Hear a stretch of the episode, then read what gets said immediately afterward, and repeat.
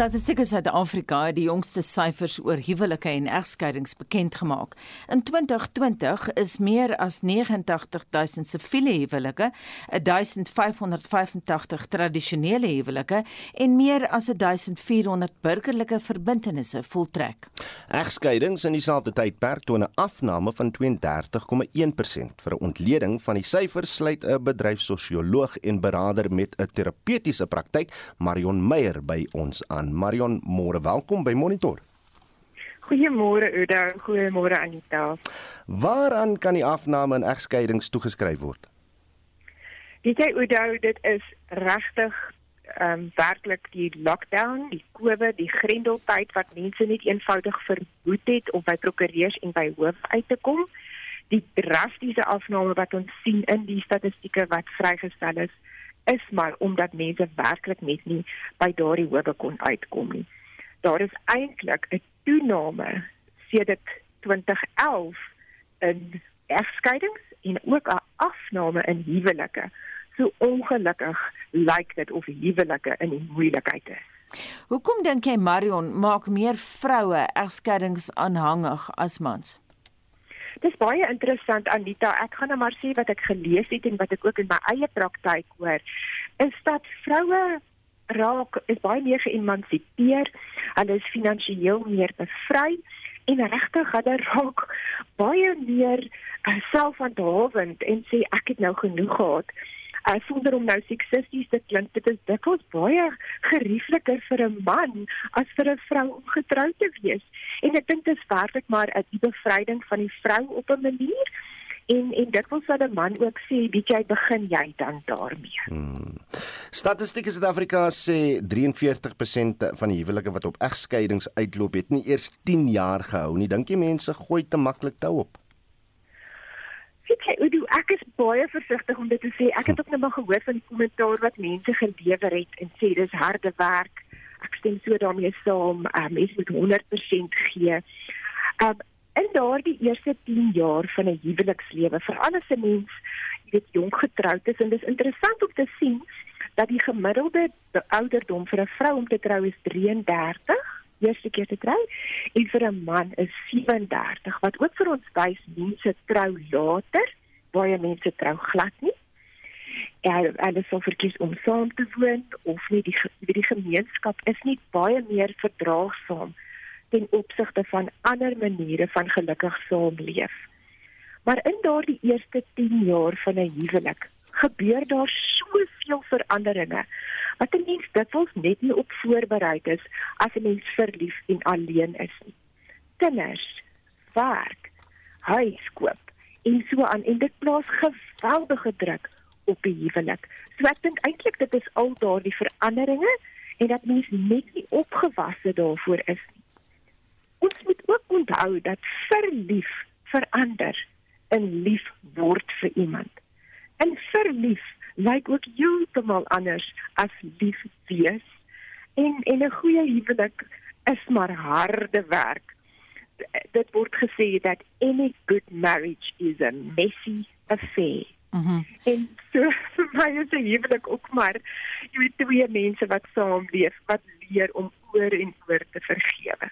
Maar dit lyk ook vir my dis maar 'n moeilike storie as mens lanktermyn kyk. Jy weet, in ons vriendekring was almal so geskok. Ons het vriende gehad wat nou geskei het en hulle trek hier by die 60 na jare, dekades ja. van saamwoon.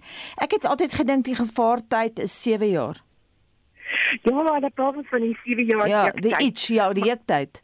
Ek korrek, weet jy Anita, maar daar's ook 'n baie groot toename van egskeidings hier rondom 18 tot 23 jaar van huwelike, want dit is dan wanneer die leenes sindroom ervaar word. En ongelukkig bly baie mense by mekaar vir die kinders. En dan as hulle dan nou mekaar in die oë kyk as die kinders die nes verlaat het, weet hulle nie meer wat om vir mekaar te sê nie. Hulle lewens het so rondom werk en kinders gewendel, wat nie wat nie verkeerd is nie, maar die huwelik is nie in stand gehou nie en hulle sien nie mekaar se mekaar nie. Dis 'n vredeling langs wie jy wakker word in die oggend. Hmm. So ja, daar's 'n groot tendens vir mense om te skei na 20 25 jaar en dit voel verskriklik dat jy so lank in 'n huwelik belê het maar dan net nie meer daarvoor kom. Maar nou wil ek juist vra Marion, daai tydperk kan tog uh, sy eie vrug lewer want nou net mens nou ja. nou meer tyd saam, die kinders lê nie meer op jou nek nie. Jy het meer geld. Mens sou dink jy kom mekaar half herontdek weer. Dit kon tog opwindend wees of dit kan wees of nie? Ek dink so ongelukkig wys die statistiek die statistieke dat meeste mense bymekaar bly. Dis eh, dis daarom gelukkig ook nie almal nie, maar ek dink tog huwelike is 'n moeilikheid. Jy weet, en dan is kinders op skool en dit is ook problematies vir kinders as ouers skei, ongeag die ouderdom van die kinders, klein of reeds volwasse. En dat mense dan sê as die kinders die nes verlaat het, weet jy, dan soek ek nou weer my werk. Mm. My werk moet weer vlieg. Ek het juis nou tyd en geld ek sien nie 'n kans vir hierdie ongelukkige huwelik waarin ek vasgebyt het nie. Maar dit is net jy sê dit nie eintlik te terapie of te slaap met met maar weer te herontdek. Ek vind dit reg aan die dag. Marion, daar da was ook 'n afname in geregistreerde huwelike. Is mense meer geneig om liewer saam te woon? Kan dit die tendens wees vorentoe? Ek dink verseker so, ek dink daar's 'n baie groot verdraagsaamheid in die gemeenskap vir mense om nie noodwendig te trou nie. Uh, en dit natuurlik soos baie luisteraars ook vanoggend gesê het, bly jou eie keuse. Maar wie wil toe getrek? Wie jy wil toe 'n lewensmaat? Miskien party mense voel hulle is getroud sonder om net enige wettige dokumente te teken of in 'n kerk te trou. So ek dink beslis so, you know, ek dink nie minder mense wil saam met 'n geliefde lewe nie. Ek dink die manier hoe dit gedoen word is baie verskillend. Ja, verseker.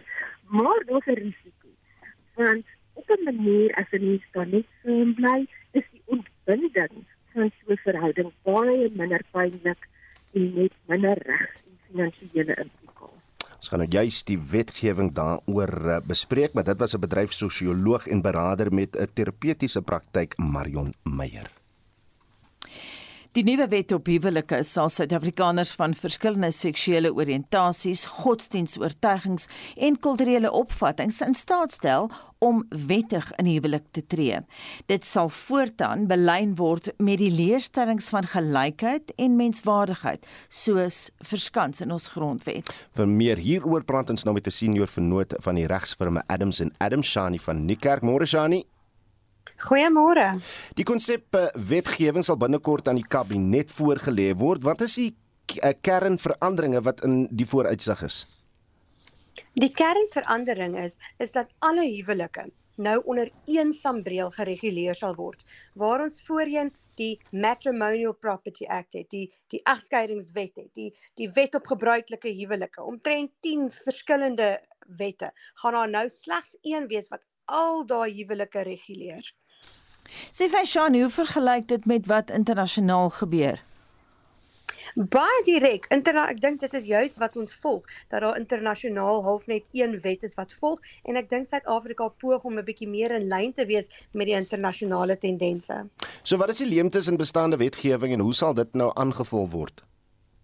Die grootste reemte is die verskillende reëls tussen die verskillende huwelike en die vreeslike regsonsekerheid wat dit veroorsaak byvoorbeeld moslim huwelike wat ons tot tot nou toe gesukkel het om net bloot erken te word en dan hoe die verskil is tussen gebruikelike huwelike, gemeenregtelike huwelike en siviele reg. Hierdie sambreel wet as ek dit so kan noem, gaan al daai 'n bietjie saamtrek, nou trek en vir ons dieselfde reëls gee wat regsekerheid bied.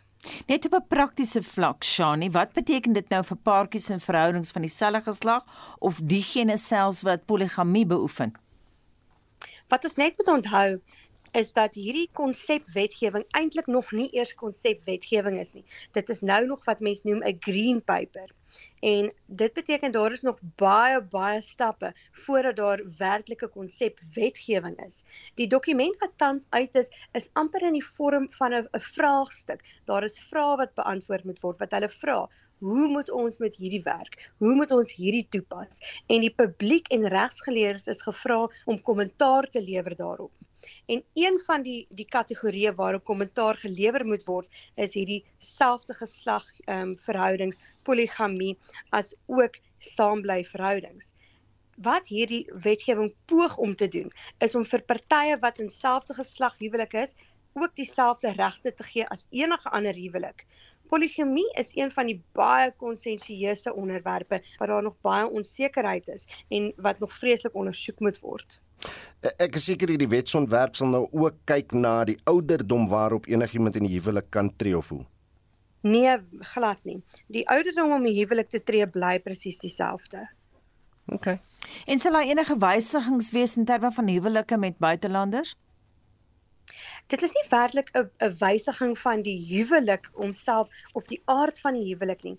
Waar dit relevant word is watter domisilie gebruik sal word om te bepaal watter reg van toepassing is wanneer die partye dan werklik skei. Byvoorbeeld, die een party se Suid-Afrikaanse burger en die ander een is van Nieu-Seeland af. Nou na watter reg gaan ons kyk? Nieu-Seeland of na Suid-Afrika? En daai wet probeer vir ons 'n bietjie strenger riglyne gee daaromtrent. So wat is die proses nou vorentoe? Ons het nou in die inleiding gesê dat hy aan die kabinet voorgelê gaan word. Daar is nou eers die die onthou net hierdie proses het reeds begin in 2018. Toe is daar hierdie dokument uitgestuur en die publiek moes daarop kommentaar lewer en die kommentaar wat op daardie stadium gelewer is was baie swak en baie laag. Die verdere dokument is hier in September 2021 vrygestel. Eers moes die kommentaar ingewees het teen November 2021 en daai sperdatum is verleng na einde Januarie 2022. Ja al daardie kommentaar moet nou eers oorweeg word en dan sal 'n konsep wetgewing saamgestel word vanuit al die kommentaar en dan voorgelê word aan die kabinet. Janie, net 'n laaste vraag en spesifiek aan jou wat werk met hierdie goed. As jy een ding aan die wet sou wou of kon verander, wat sou dit wees? Net een ding. Die grootste leemte wat jy sien tans. Die grootste leemte is verseker die regsonsekerheid dat ons op verskillende maniere moet handel met paartjies in een verhouding en ander verhoudings. En dan die een, jy weet, ehm um, saambly verhoudings is definitief een van die kwessies waarna gekyk word en waar daarna moet gekyk word. Daar's partye wat vir 10, 20, 30 jaar saambly en mm. tans op hierdie stadium as daai verhoudings tot 'n einde kom, is niemand geregtig op niks van die ander party nie. En hierdie is een van die aspekte wat ook in ag geneem word. En dit was Janie van die Kerk, 'n senior vennote van die regsfirma Adams & Adams. Die verwarring oor Suid-Afrika se buitelandse beleid kring wyd uit nadat die VN se algemene vergadering ons konsepresolusie oor humanitêre behoeftes in Oekraïne verwerp het. Die resolusie het slegs gefokus op humanitêre kwessies en het geen melding gemaak daarvan dat Rusland die aggressor is nie. Die politieke wetenskaplike Roland Henwood van die IP en Suid-Afrika se eerste ambassadeur in Moskou in post-apartheid Suid-Afrika, emeritus professor Gerrit Olivier, het behoorlik die mes ingelê oor Suid-Afrika se neiging om hom toenemend aan die kant van die wêreld se boelies te skaar. Ek dink as ons gaan kyk na Suid-Afrika, dan sien ons dat Suid-Afrika nou skielik baie openlik begin optree en onder die skyn van neutraliteit en die skyn nou skielik van menseregte begin om 'n resolusie te ontwikkel wat eintlik niks seggend is. Dis die tipe resolusie wat aanvaar word en tot niks lei nie. Dit is nie spesifiek nie, dit dui nie aan waar lê die probleem of wat is die probleem nie. Ek meen die Suid-Afrikaanse posisie die afgelope tyd is om dit weg te praat. Ons praat nie oor die feite nie. Ons praat oor 'n mite van 'n konflik wat moet ophou sodat daar vrede kan kom. Dis 'n mite ons houding oor daai oorlog het weer die tekortkominge in ons buitelandse beleid duidelik uitgespel. Dit is ongetwyfeld druk van die kant van marxistiese elemente in ons buitelandse ministerie as ook die anti-westerse houding van die ANC aan die algemeen wat hierdie uh, houding veroorsaak het. Dit gaan nie hier oor is jy pro Amerika of pro Europa of wat ook al nie. Dit gaan oor die beginsels van die saak. En ons sien 'n groot mate van ooreenstemming in die wêreld. Waarskynlik die grootste mate van ooreenstemming in baie jare. En Suid-Afrika staan nie buite dit nie. Suid-Afrika is besig om te wys dat hy teen dit staan. En die vraag wat by mense opkom is, wat is Suid-Afrika se buitelandse beleid oriëntasie in Maart 2022? En die indruk wat geskep word is een van uiterste onbeholpenheid, maar by dit een van ideologiese verknogtheid. Ons wil met ons buitelandse beleid rykdom skep. Hoe kan ons verwag dat die wêreld wat ons wil lok om hierdie hier te belê sal vertroue hê in 'n land wat nog steeds aan anagronistiese koue oorlog paradigmas kleef en weier om Rusland te kritiseer. Rusland is nie meer 'n kommunistiese land nie. Sovjet-Unie bestaan nie meer nie. Die ANC het wel hulp van die Sovjet-Unie ontvang, maar dit goed bestaan nie meer nie. Putin is nie 'n kommunis nie. Daar is nie meer kommunisme in Rusland nie.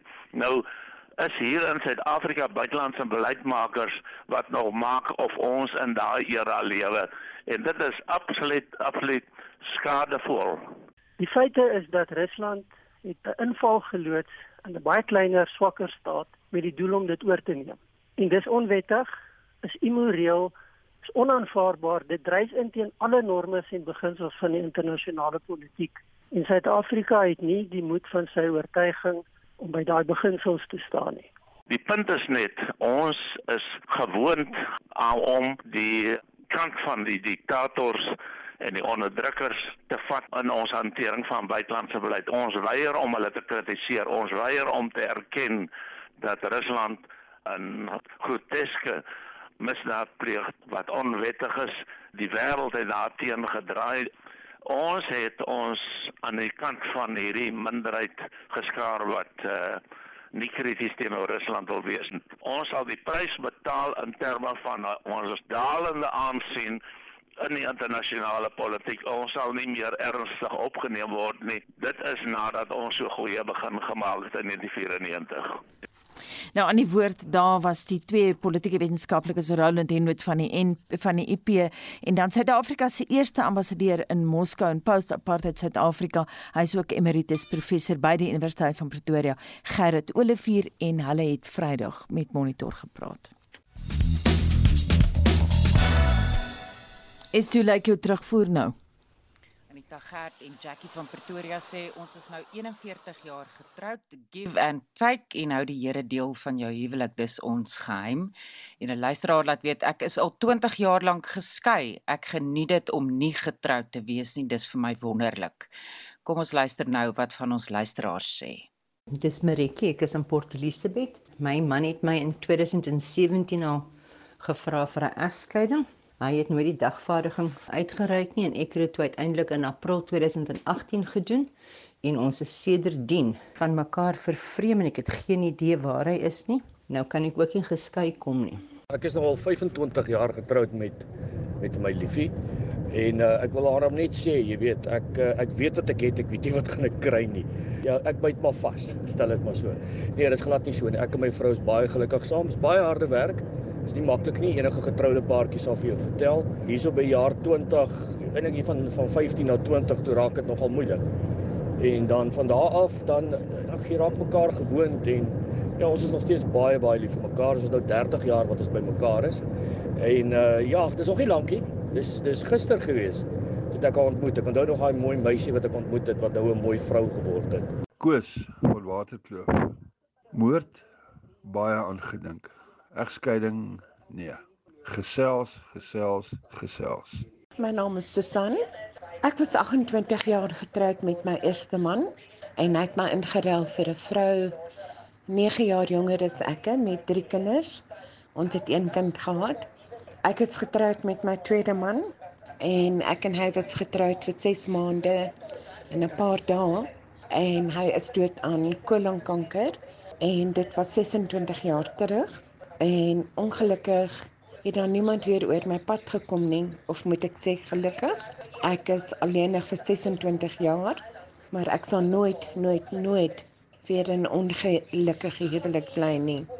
Nooit nie Laat weet vir ons wat die wenresep is vir jou huwelik en of jy dalk geskei is. Stuur vir ons 'n SMS na 45889. Onthou dit kos R1.50 per SMS. Gesels saam op ons Monitor en Spectrum Facebook bladsy of stuur vir oulaas vir ons 'n stemnota na 076 536 6961. Die Oekraïense president Volodymyr Zelensky sê die land is bereid om 'n neutrale status te aanvaar om die Russiese inval te beëindig. Tog glo hy dat landsburgers die besluit behoort te neem in 'n referendum en uh, dat dit dat dit en dat dit deur derde partye gewaarborg moet word. Madeleine Forsie, sta terug saam met ons. Uh, jy het gesê uh, of hy liewer het dit dit gesê in 'n virtuele onderhoud met vier onafhanklike Russiese joernaliste. Ja, en daai onderhoud mag nie plaaslik in Rusland uitgesaai word nie. Nou, in aanloop tot vredesamesprekings later die week in Turkye het Zelensky gesê om Oekraïne te demilitariseer is tog buite die kwessie. Security guarantees and neutrality, the non nuclear status of our state. We are ready to go for it. This is the most important point. I understand it's impossible to force Russia completely from Ukrainian territory. It would lead to a third world war. And that's why I'm talking about a compromise. Na die aanslag op die hawe stad Mariupol duur intussen voort volgens dokters sonder grense se noodkoördineerder Alex Wade word humanitêre hulp steeds nie toegelaat nie. There's been a humanitarian crisis for probably well over two weeks. You have people who haven't had access to water or food for weeks now, dead bodies on the street, and people burying the bodies of their neighbors. Die skade wat tot dusver aan infrastruktuur in die land aangerig is, word geram op bykans 920 miljard rand. Ons verskuif aan die aandag na Sentraal-Amerika. Noodtoestand is in El Salvador aangekondig na wat beskryf word uh, die mees gewelddadige dag sedert die einde van die burgeroorlog in 1992. 62 bendeverwante moorde is Saterdag alleen aangeteken. So inwoners mag nie by einkomste hou nie en hegtenisname mag nou uitgevoer word sonder lasbriewe en kommunikasie mag gemonitor word. Die land kan net nie die las van bendegeweld skud nie. Nou net om jou idee te gee, verlede jaar is die laagste aantal bendeverwante moorde aangeteken in 30 jaar en die sterftesyfer was toe 1140 in 'n jaar. So dit is omtrent 18 sterftes per 100 000 inwoners. Ja. In COVID-19 verwante nuus het China aangekondig uh, dat streng inperkingsregulasies van vandag af weer in Shanghai van krag is geld van vandag af tot Vrydag in die oostelike deel van die stad terwyl inwoners van die westelike deel van die stad tussen 1 en 5 April ingeperk word. Openbare vervoer word opgeskort en verskeie maatskappye en fabrieke is aangesien om of van die huis af te werk of te sluit. Dit nadat die stad Saterdag sy hoogste aantal nuwe COVID-19 infeksies aangeteken het sedert die begin van die pandemie. Uit minstens 25 miljoen mense in die stad is al Saterdag sowat 2600 nuwe asemtoe dramatiese gevalle van COVID-19 aangeteken. En dan later in die program drama by die jaarlikse Oscar toekennings in Los Angeles. This was the most dramatic shocking moment in the entire 94-year history of the Academy Awards. And are we certain that it was for real? You know, I think it's a very sad event if it was real, which I believe it was, because the reality is that Will Smith lost control Kort voordat Will Smith sy Oscar ontvang het, het hy letterlik 'n vuishou ingekry na 'n kwetsende opmerking oor sy vrou, Anne-Marie Jansen van Vieren het binnekort meer hieroor. Wat's vandag se datum? Dit is moenie vir my sulke goed so vinnig vra nie. Wat is Vrydag se datum? Vrydag wat kom is 1 April. Daar sê hy. Los hom net. Daar. Ons los hom net. Ek sien waar jy op pad is. Maar hy forceer daar met 'n blitsoorsig van wêreldnuus gebeure.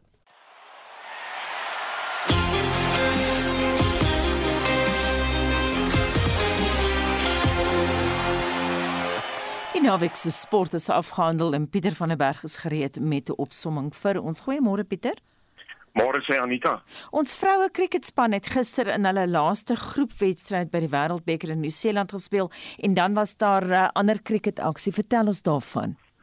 Ja, natuurlik het ons vrouenspan al reeds die halfeind gehaal voor hierdie wedstryd in Christchurch gister, maar met 'n onoorwonde 52 lopies van Mignon de Pre het Suid-Afrika gehelp om Indië met die laaste bal van hul golfbeurt te klop.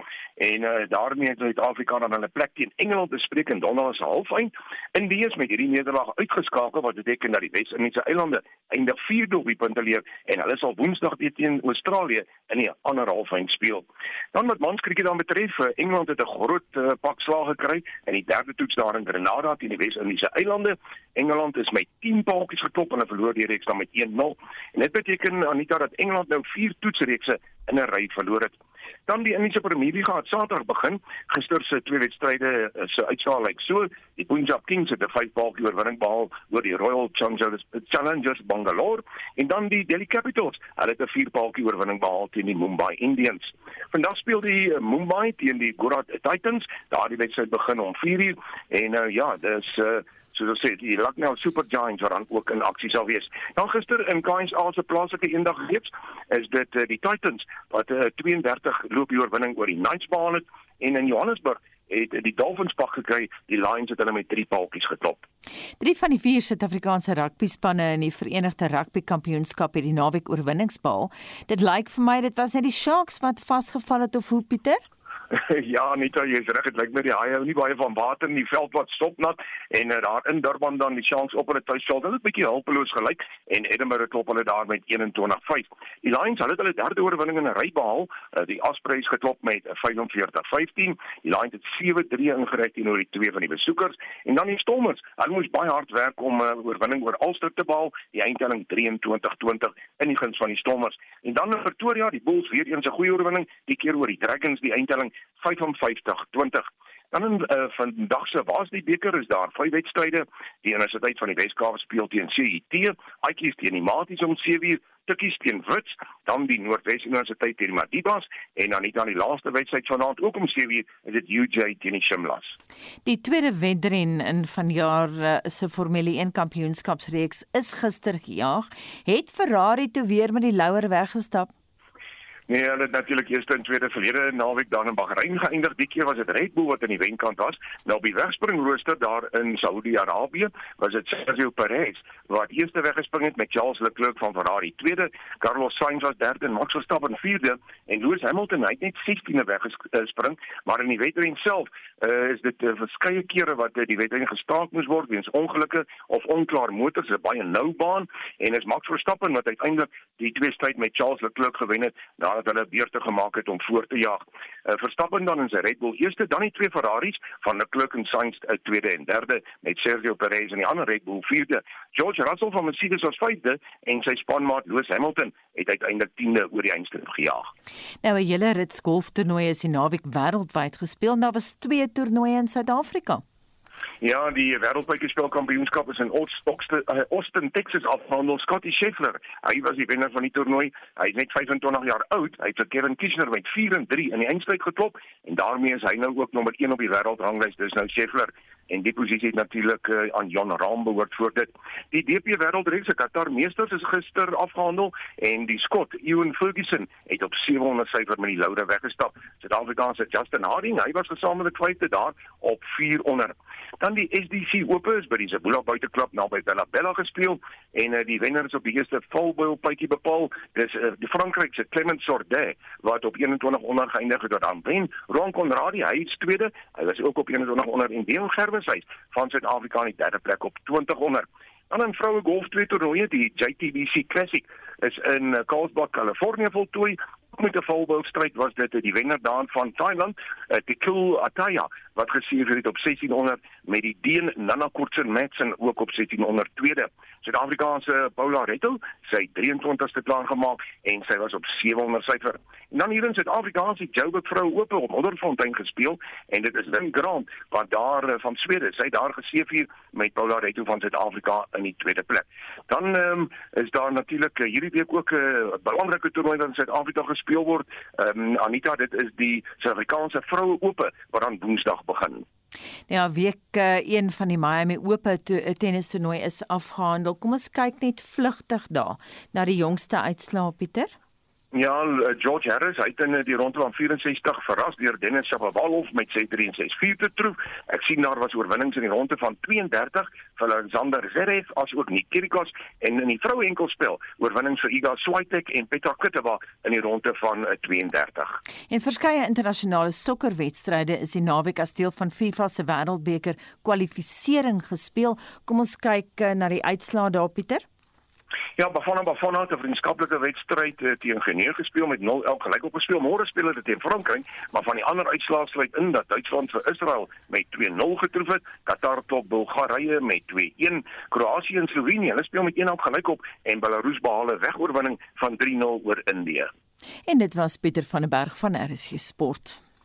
Die wetenskaplike die wetenskaps uh, fiksie liewer fliek Dune het met 6 toekenninge die meeste Oscar beeltjies van die aand gekry. Die rolprent oor 'n gesin waarvan die ouers gehoor gestremd is, Kouda, het met die grootste toekenning, beste rolprent weggestap. Ons verslaggewer Anne Marie Jansen van Vieren het die akademie toekenning sedert vroeg vanoggend dopgehou. Anne Marie, môre welkom terug by Monitor. Wat het vir jou uitgestaan by hierdie jaar se Oscars? Udo, my mond het oopgehang toe akteur Will Smith opgestaan het en vir aanbieder Chris Rock geslaan het. Dit was nadat Rock 'n grap gemaak het dat Smith se vrou Jada Pinkett Smith 'n rol in die volgende G.I. Jane fliek kan vertolk. Nou Pinkett Smith ly aan die outoimmuunsiekte alopecia, oftewel kaalhoofdigheid. Smith het tydens sy aanvaardingstoespraak wel in trane om verskoning gevra hoewel dit eerder aan die kykers in die akademie as aan Rock gerig was. Hy het homself vergelyk met die karakter waarvoor hy as beste akteur bekroon is, die tennisafrigter Richard Williams. Richard Williams was a fierce defender of his family.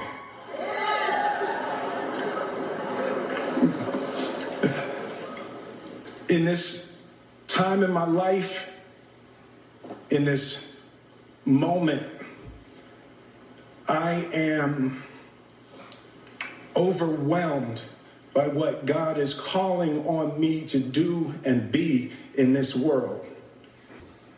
I want to say thank you to Venus and Serena. I just spit. I hope they didn't see that on TV.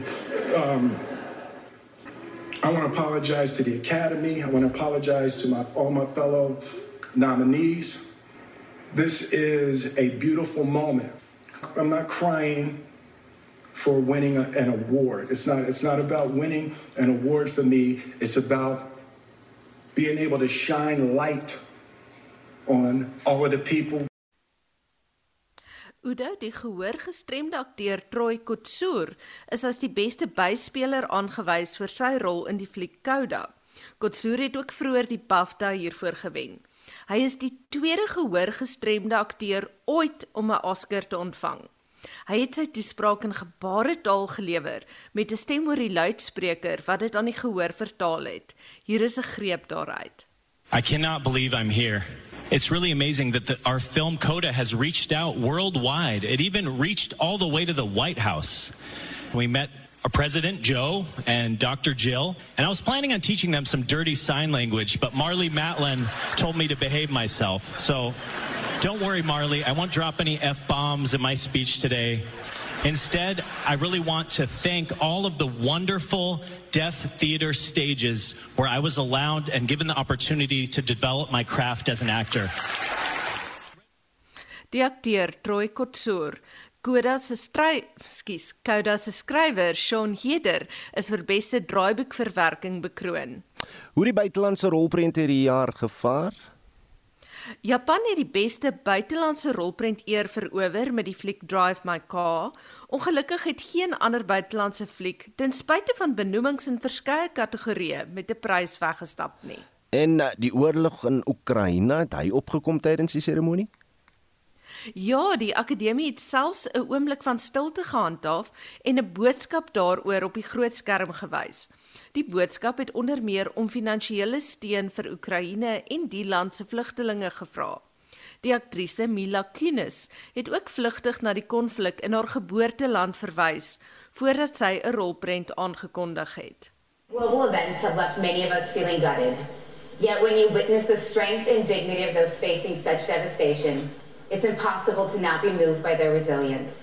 One cannot help but be in awe of those who find strength to keep fighting through unimaginable darkness. Baie van die Hollywood-sterre het ook 'n strikkie gedra om hulle steun aan die vlugtelinge uit Oekraïne te wys. Die hitsmerk With Refugees is gereeld saam met foto's hiervan op die sosiale media geplaas. En laastens sê die uh, regisseur Jane Campion uh, geskiedenis gemaak toe sy as beste regisseur aangewys is. In die 93 jaar geskiedenis van die akademie toekenninge, oftewel die Oscars, is sy die enigste vrou wat dit nog kon regkry om twee keer benoemings in die beste regisseur kategorie te kry. Alhoewel sy in 1994 ook in hierdie kategorie benoem is vir haar fliek The Piano, het Steven Spielberg in die betrokke jaar met 'n Oscar beeldjie vir sy fliek Schindler's List weggestap. En dit nou, was is dit die tweede oes, ek wil nou net sê al is dit die tweede op een volgende jaar wat 'n vrou as beste regisseur by die Oscars bekroon word. Oudo, is dit maar die derde keer in amper 100 jaar wat dit gebeur. Asai Annelie Jansen van Vieren baie dankie daar ons verslaggewer oor gisteraand se Oscars. En ons bly by die Oscars Billie Eilish se No Time to Die, die Oscar toekenning vir die beste oorspronklike liedjie gewen. En ek wil dit vir u baie duidelik stel dat ek op hierdie stadium vir u baie duidelik kan sê dat daar geen rede is om aan te neem dat Suid-Afrika se olievoorraad hoegenaamd afgesny sal word. The Battle of the Falklands was a remarkable military operation, boldly planned, bravely executed and brilliantly accomplished. Die veiligheidspolisieman oorkant hom word al witter en witter en witter en hy was redelik wit om te begin totdat hy later opstaan agter en hy sê my verdomde mikrofoon is in daardie asbak en dan sê oor kon dit meer hou Wat het John Foster, Margaret Thatcher en Andrei P Brink met mekaar in gemeen? Luister na Naweek Aktueel op 2 April. SAK nuus, onafhanklik, onpartydig.